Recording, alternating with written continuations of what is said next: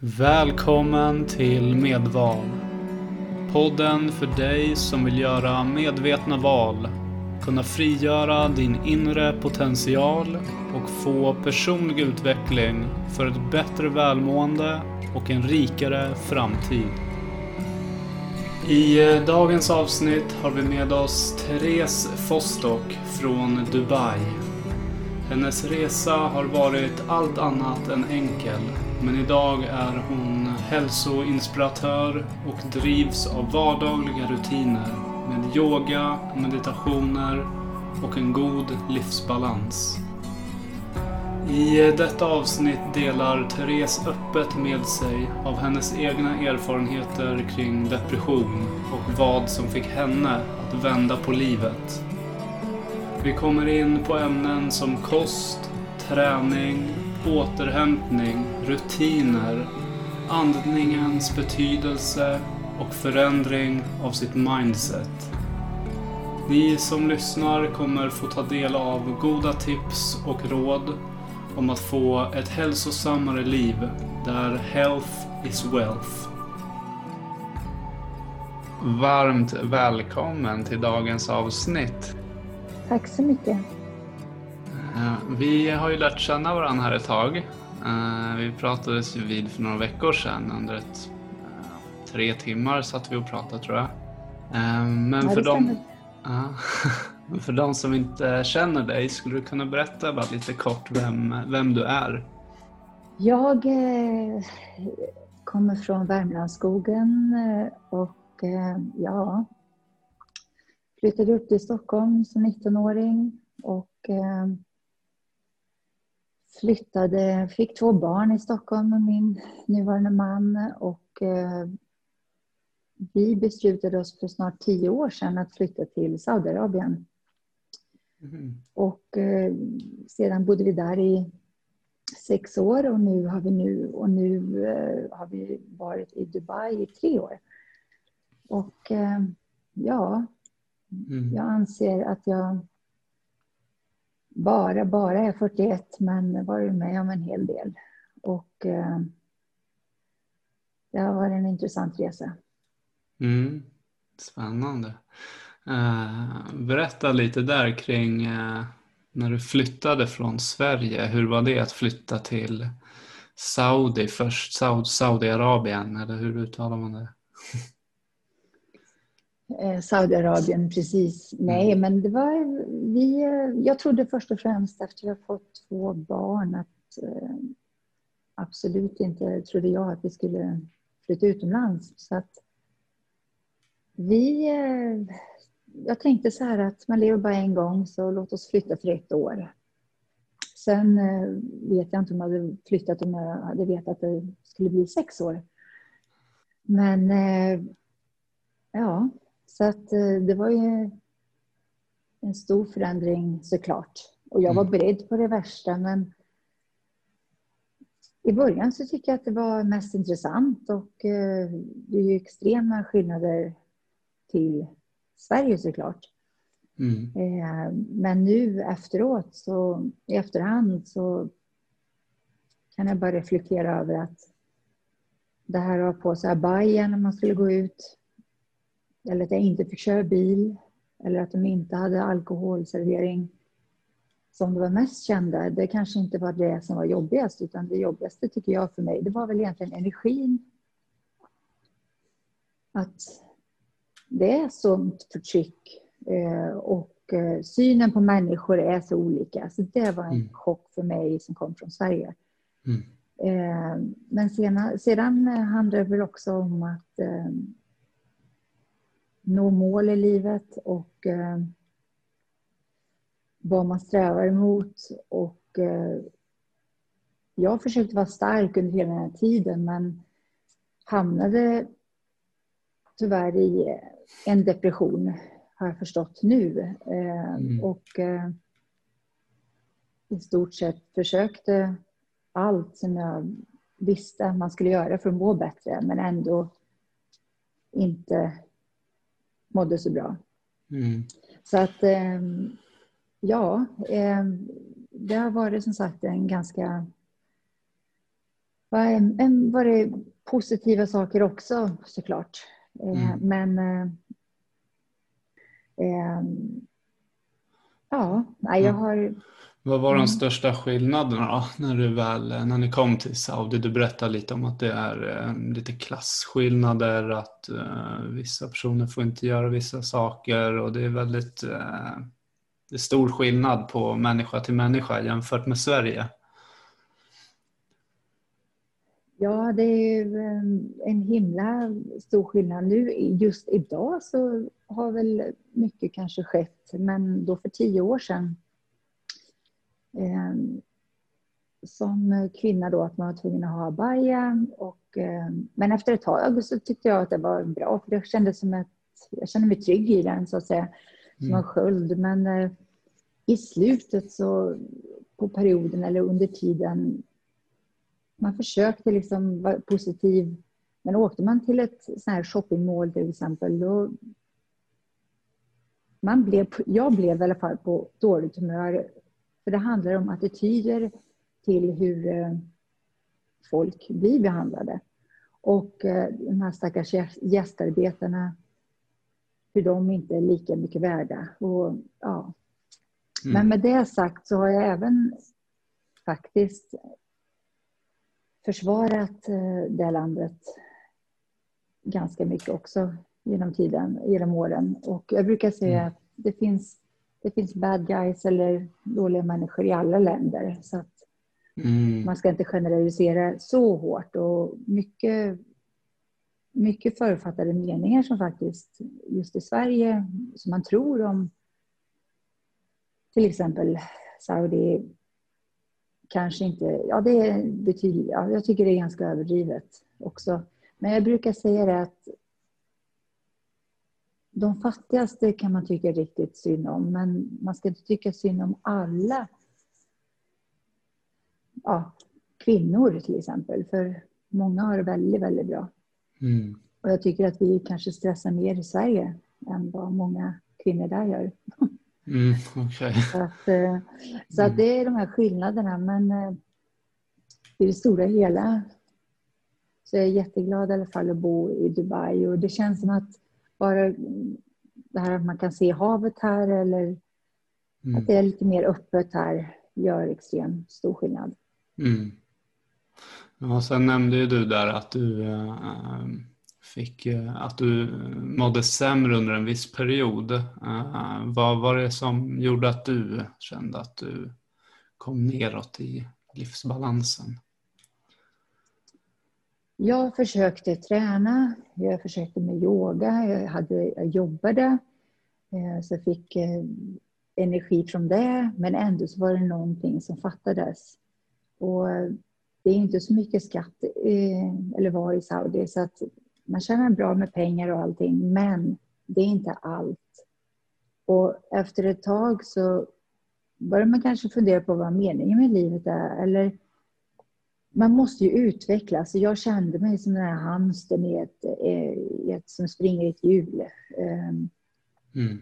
Och eh, jag var fast. Och mitt största handikapp personligen, det var att jag var så himla dålig på engelska. Så att jag intalar mig själv hela tiden att det var svårt att göra onlineutbildningar för jag är så dålig på engelska. Och nu i efterhand så kanske jag kan förstå att är man riktigt deprimerad så är det svårt att ta tag i saker och ting. Och skjuta det, det är lättare att skjuta det över framtiden. Mm. Så ehm, jag... Ehm, ja, jag tror att jag var för, för stark kanske. Eller jag vet inte hur man ska, jag ska säga. Jag var för... Jag försökte ljuga för mig själv och jag tror det funkar inte i långa loppet. För då till slut så rinner över, så att säga. Mm. Och i mitt fall så hände ju det när jag drack alkohol. Det var då jag mm. bråkade mest med min man och vi tjafsade och jag exploderade så att säga. Mm. Det var, var alkoholen att, eh, ett sätt att hantera situationen då eller just då? Ja, och sen blev det ju lite konstigt också för vi hade inte det hemma utan det var mer kanske på fester då. Då blev det nästan som att åh, nu ska jag passa på för nu finns det tillgängligt. Mm. Eh, och då blev det liksom att det blev för mycket. Mm. Och eh, jag tror de flesta vet hur man mår dagen efter och det gör en ju inte mer stabil i, i huvudet direkt. Utan eh, nej, så eh, en flykt helt enkelt. Och det är det jag tycker är så himla tragiskt. Så Mm. att, eh, Mm. men i det stora hela så har jag faktiskt eh, Svenska skolan i, i Riyadh att tacka för så himla mycket. För mina barn hade det, haft en fantastisk grundskoleutbildning och, och förskola. Helt enormt. Jag brukar säga till eh, vänner och bekanta att det var som att åka tillbaka i tiden 50 år. Bullerby, Bullerbyn ungefär, Mats Ja. Lindgren. Ja, Sån skola. Mm. Så det här var fantastiskt. Så att på något vis så var det så mycket, det var mycket ändå i Saudi som, som var bra men, men eh, och det är väl det här som är lite skrämmande att när man ser då på pappret att om man tittar på ett papper så ser allting bra ut men det är ändå Mm. någonting som fattas. Och, Mm. Mm. Och eh, jag menar när vi flyttade till Dubai så var jag medveten om att Dubai kommer inte göra mig lycklig och flashiga Dubai. Absolut inte. Det är ju jag som måste göra någonting med mitt liv så att jag blir glad och, och Mm. stark i mig själv. Eh, men jag, på något vis när vi flyttade hit så blev det någonting att åh, nu var jag värd att må bra. Och här fanns det ju alkohol tillgängligt ännu lättare såklart. Så att, eh, Mm. och efter ett tag så, jag menar, det, jag var ju ändå ny i ett nytt land och det var mycket som skulle fixas i början och, och stor omställning. Barnen började amerikansk skola och massa nytt med allting. Och jag har en man då som reser och var mycket i Saudiarabien fortfarande. Så att det Mm. blev mycket på ett bräde där och, och återigen då det här att åh, nu kan jag vara värd och, och, och ta en drink på kvällen eller ett glas vin på kvällen eller fyra glas vin på kvällen. Och Mm. det, det håller inte. Eh, Jag kände att jag kände mig så liten och insåg inte då att jag faktiskt var väldigt förstörd från vad, hur jag hade mått Mm. tidigare i, ja, i livet. Så, så ehm, jag eh, hade en, ett jättestort bråk faktiskt med min man och hans bror var på besök. Och eh, efter det så kände jag att nej, nu måste jag ta tag i mitt liv på riktigt. Och eh, faktiskt så slutade jag med alkohol och beslutade mig för att må bra i mig själv. Vad kan jag göra med, hur kan jag ta mig till en punkt att må bra i mig själv och känna mig så, så stark i mig själv så att jag inte ska behöva ta ett glas vin för att kunna öppna upp eller känna mig starkare. Så att, ehm, ja, jag fick ehm, jättemycket hjälp och eh, började sakta men säkert med yoga lite mer och mer.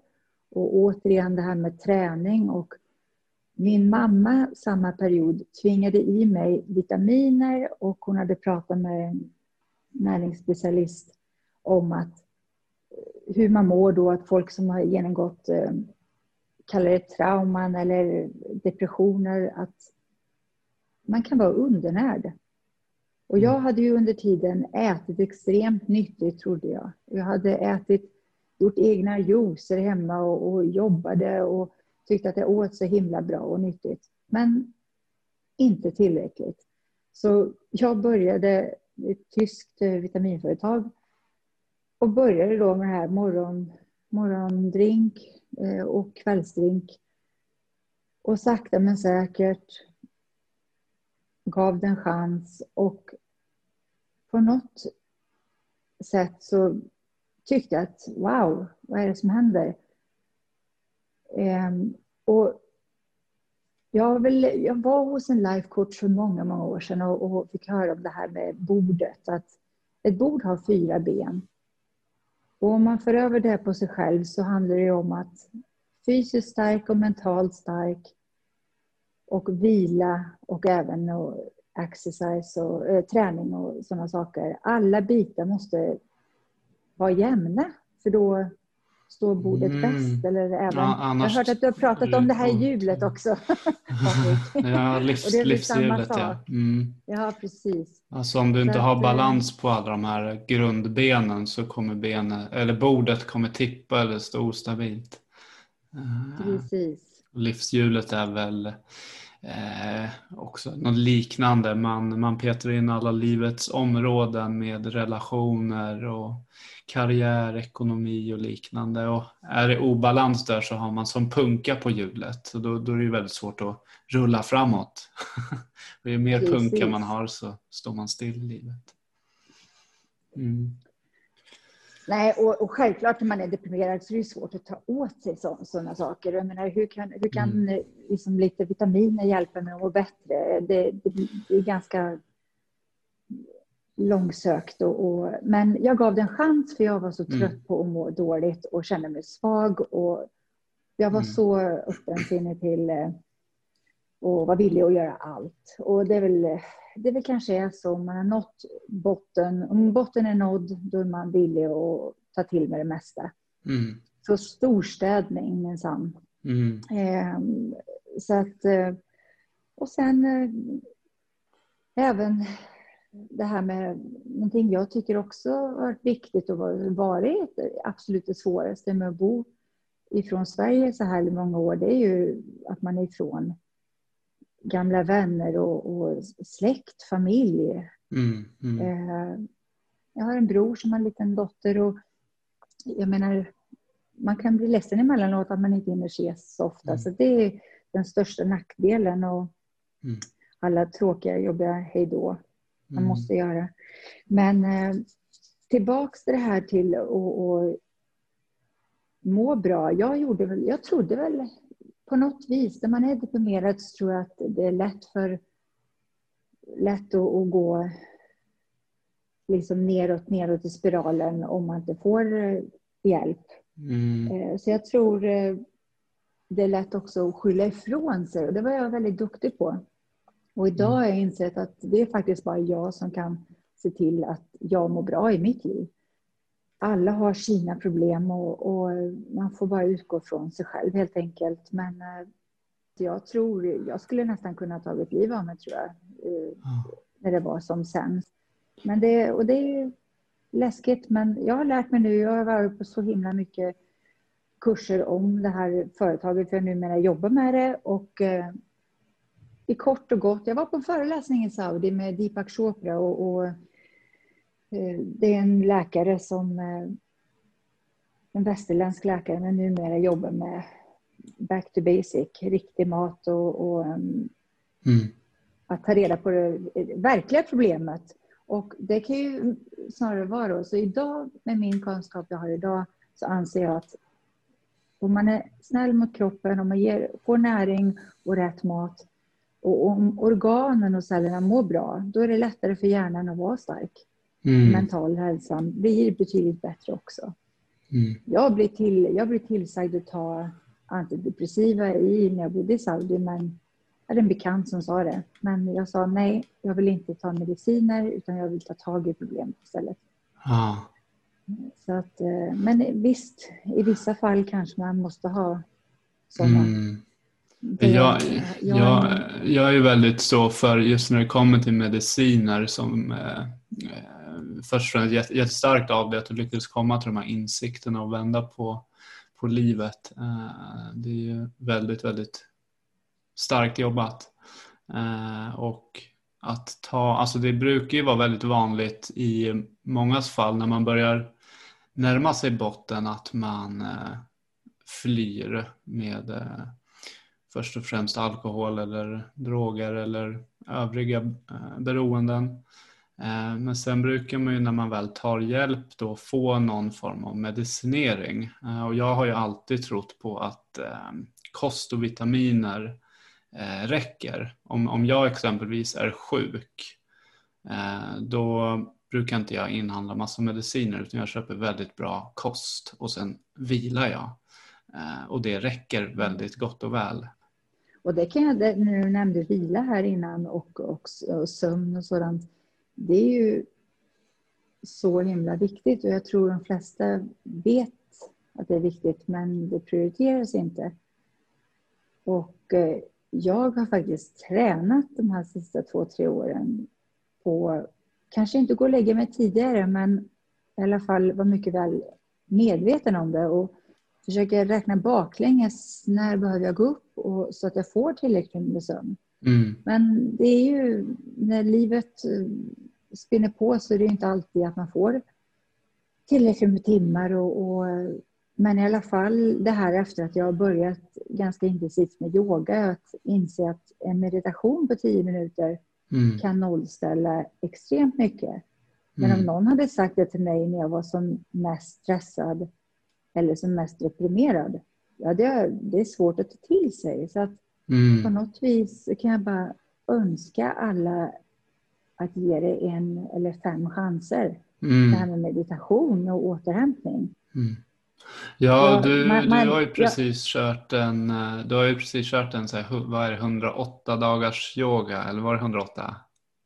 108 dagar. Ja, 108 dagar, det är väldigt intensivt. Um, väldigt bra jobbat.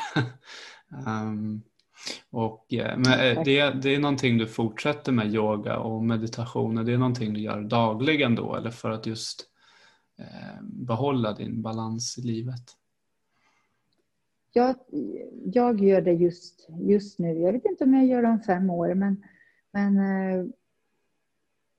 vad jag har förstått och vad jag inte förstod i början, det var att jag trodde yoga var lite olika rörelser på en matta och tyckte att nej, nej, nej, det där är ingenting för mig.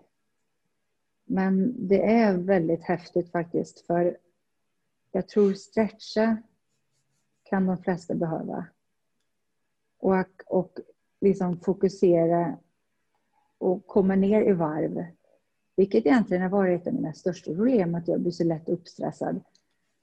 Ehm, och det är en, en, en, helt ny värld som öppnas. Och nu när vi hade den på grund av covid så var vi här, ja, vi hade ju, vi var tvungna att stanna hemma här i Dubai så vi fick inte gå ut ens gå ut och jogga i kvarteret utan mm -hmm. polisen sa till mig två gånger. Spring hem. Och sen skulle man få böter och, och allt. Okej, okay, man fick inte lämna hemma. huset alls? Nej, och då tänkte jag att vad ska jag göra nu då? Och, och då var det en god vän som rekommenderade den här.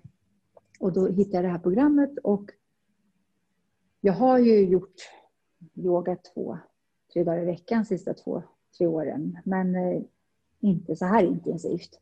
Mm. Men eh, det här programmet då, det, det låter ju mycket med 108 dagar. Det var jättetufft men det var ju, vissa dagar var det lugnare.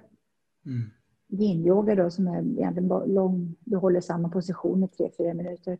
Mm. Och eh, mycket meditation varje dag. Och det viktigaste tror jag är att man förstår att man inte behöver göra meditation en timme utan som Tony Robbins säger också att det kan räcka med tio minuter. Ah. Och jag har lärt mig i alla fall så himla mycket och framförallt någonting som jag har kämpat med egentligen hela mitt liv med lite prestationsångest fram, ångest fram och tillbaka. Och, eh, och eh, tränar man för mycket eller tränar man för lite?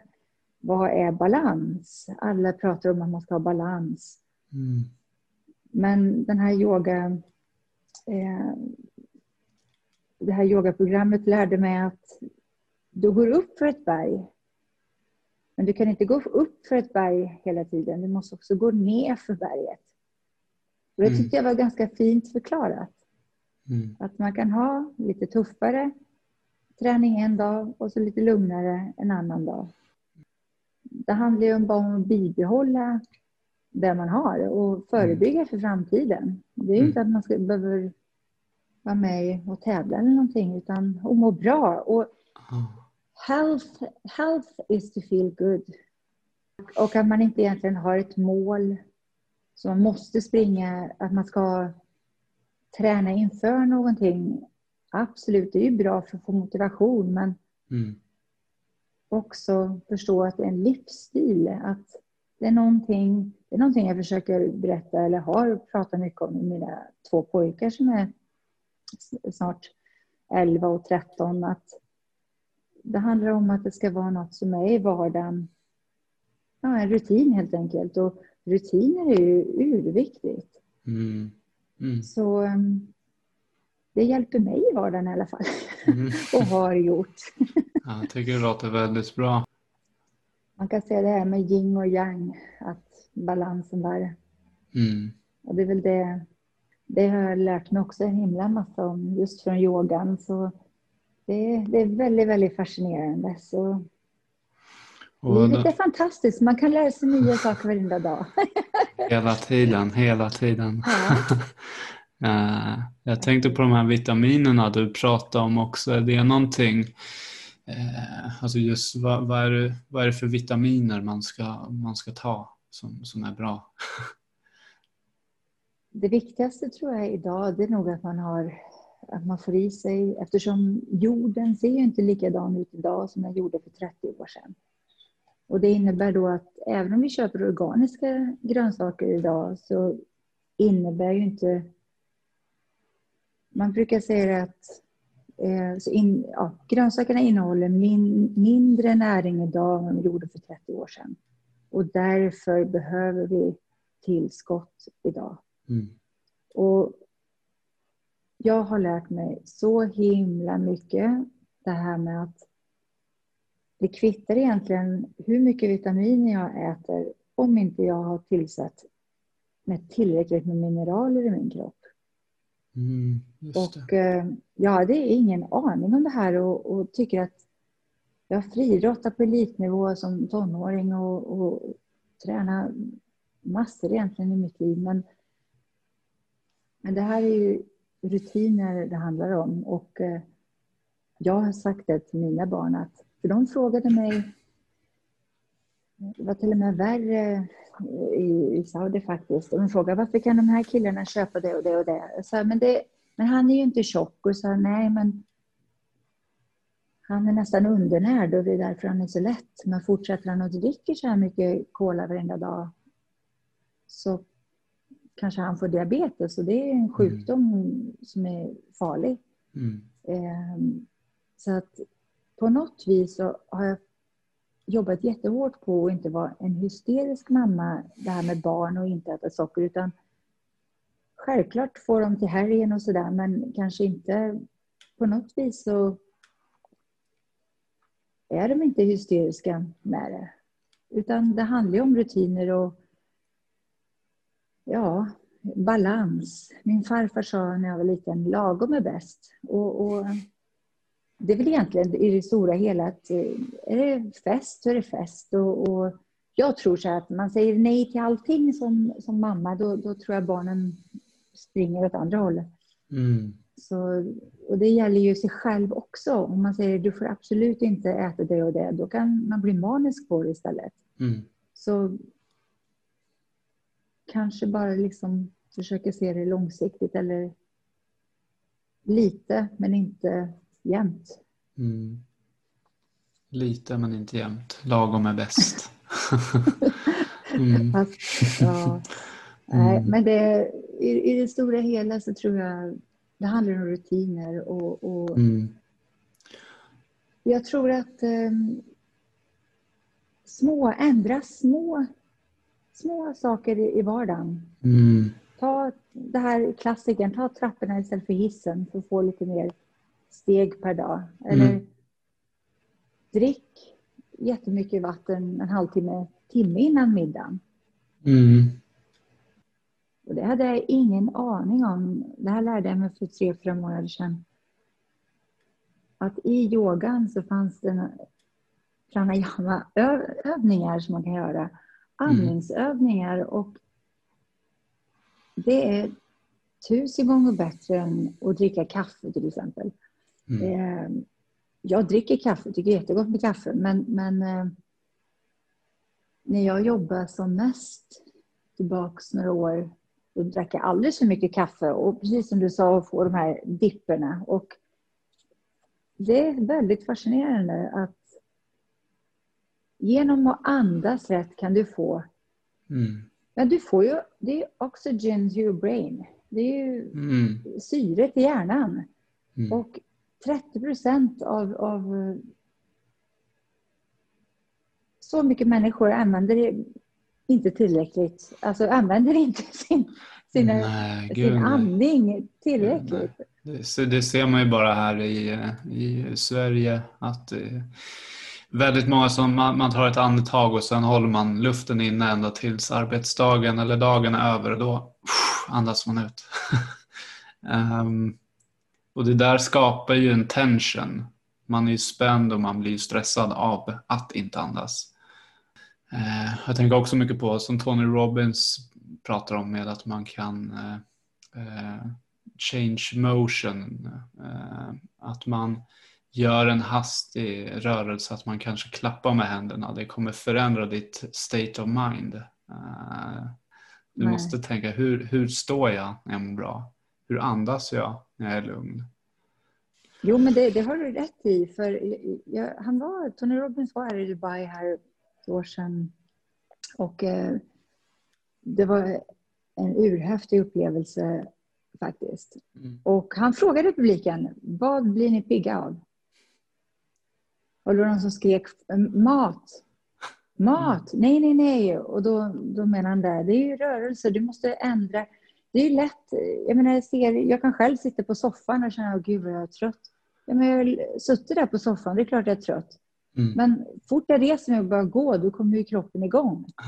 Så att det är ju, jag brukar lura mig själv när jag ska gå ut och jogga. Liksom, att ja, men jag kan bara, om jag inte känner för det så...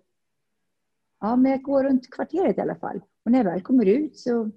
Ja, då börjar du jogga och sen det? är du... Ja, Mm. det är jätteskönt. Så, eller, det kan ju såklart vara jobbigare vissa dagar, men... Mm. men eh, ja, Nej, och då, då är det ju mycket, alltså just när man är uppe i varv så handlar det mycket om dels eh, göra någon motion, någon, någon form av förändring i kroppen som ändrar din reaktion och andning. Eh, Mm. Att andas lugnare. Eh, och kan hjälpa i de situationerna också tänker jag att kanske slut ögonen för det är så otroligt mycket intryck man ska ta in. Så slut ögonen så ser du inte allt runt om dig. Man tar ett djupt andetag och man kanske försöker slappna av i axlarna. Dra dem bakåt, fram med bröstet.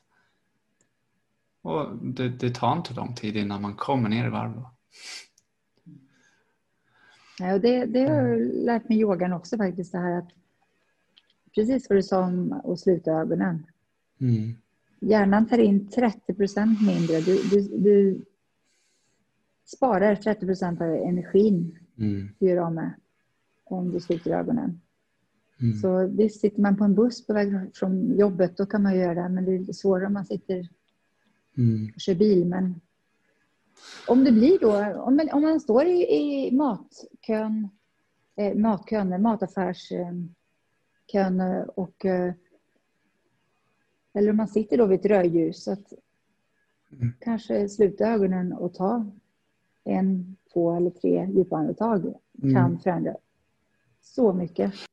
Men det gör verkligen det. Jag hade, hade en konversation med en, en vän om det, om våra sinnen som vi har. Eh, och vi, vi tar ju emot intryck i alla våra sinnen. Eh, men om du sluter ögonen så stänger du ett sinne, vilket gör att du då, då fokuserar du mer på hörsel, doft, smak. Och ju mera sinnen du kan stänga av så kommer du fokusera på ett sinne, vilket då gör att du har väldigt bra fokus på det så att det inte blir så mycket brus. Helt sant. Mm. Ehm, Jag tänkte som eh, tre sista frågor till dig. Eh, Så har jag, ehm, jag tänkte kolla där med eh, eh, hur en vanlig morgonrutin ser ut för dig. Ja, eh, för det mesta så lyssnar jag. Eh, jag vaknar, sätter i en, mina hörlurar på huvudet och så sätter jag på olika meditationer faktiskt. Mm. Vaknar man om man är lite trött och man har en jobbig dag framför sig, då är det lätt för den här dåliga rösten i huvudet ta över. Och den rösten vill jag dämpa. Därför sätter jag på Spotify, min spellista som jag har, eh, med positiva affirmations. Mm. Eh, och eh, jag kan säga att Deepa Chopras eh, affirmations A to C tror jag räddade livet på mig i Saudi. Wow. liksom det way of life och hur man ska tänka och hur man ska liksom... Nej, mm. så det är väl det jag gör. Och sen eh, jag lyssnar på det medan jag väcker barnen och sen är det frukost och de ska iväg till skolan. Och sen försöker jag... Ja, jag ser fram emot min yoga. Mm. Eller om jag går ut och går en promenad eller joggar. Mm. Eller även ibland åker direkt till gymmet. Men för mm. mig, jag har alltid försökt och gjort lite fysisk träning. Men mm. nu sen, senaste åren lagt in mer meditation först. Mm. Mm. Eh, Vilka är de största insikterna som du har fått i livet så här långt? Att man ska vara tacksam för det lilla.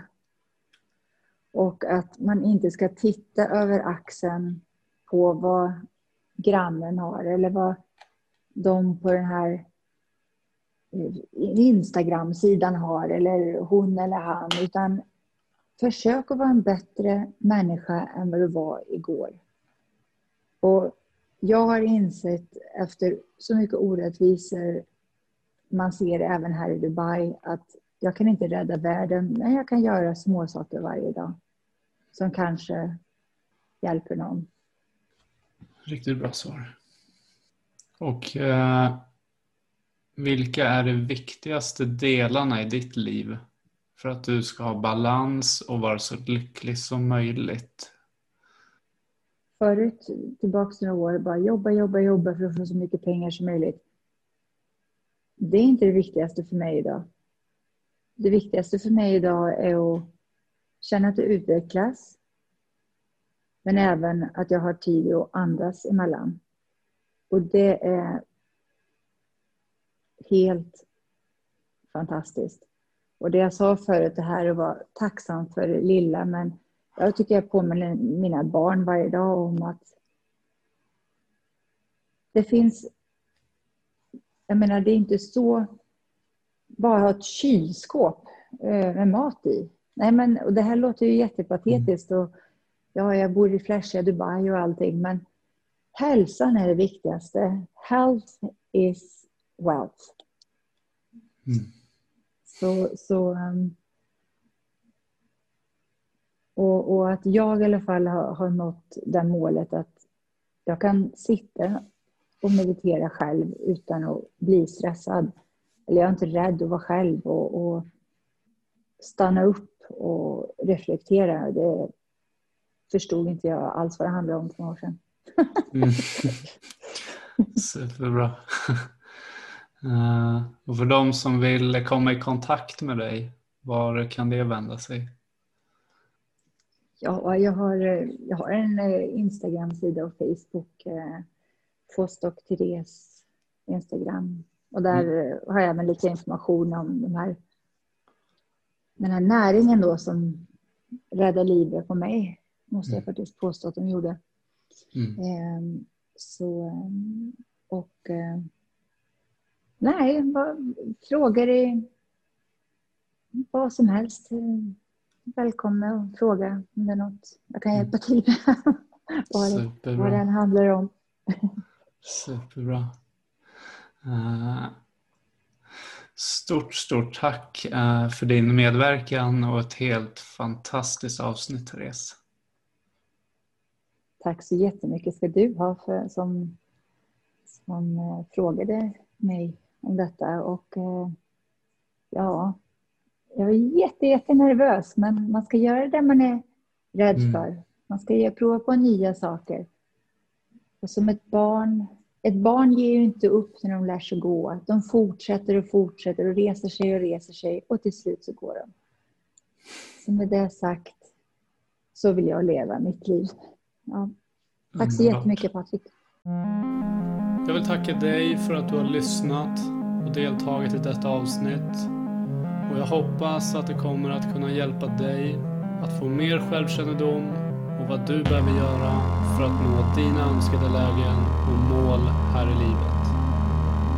Om du vill komma i kontakt med mig, lämna en kommentar eller berätta om du vill att jag tar upp ett speciellt ämne så kan du skriva till support coaching.one eller följa och skriva till mig på Facebook eller Instagram.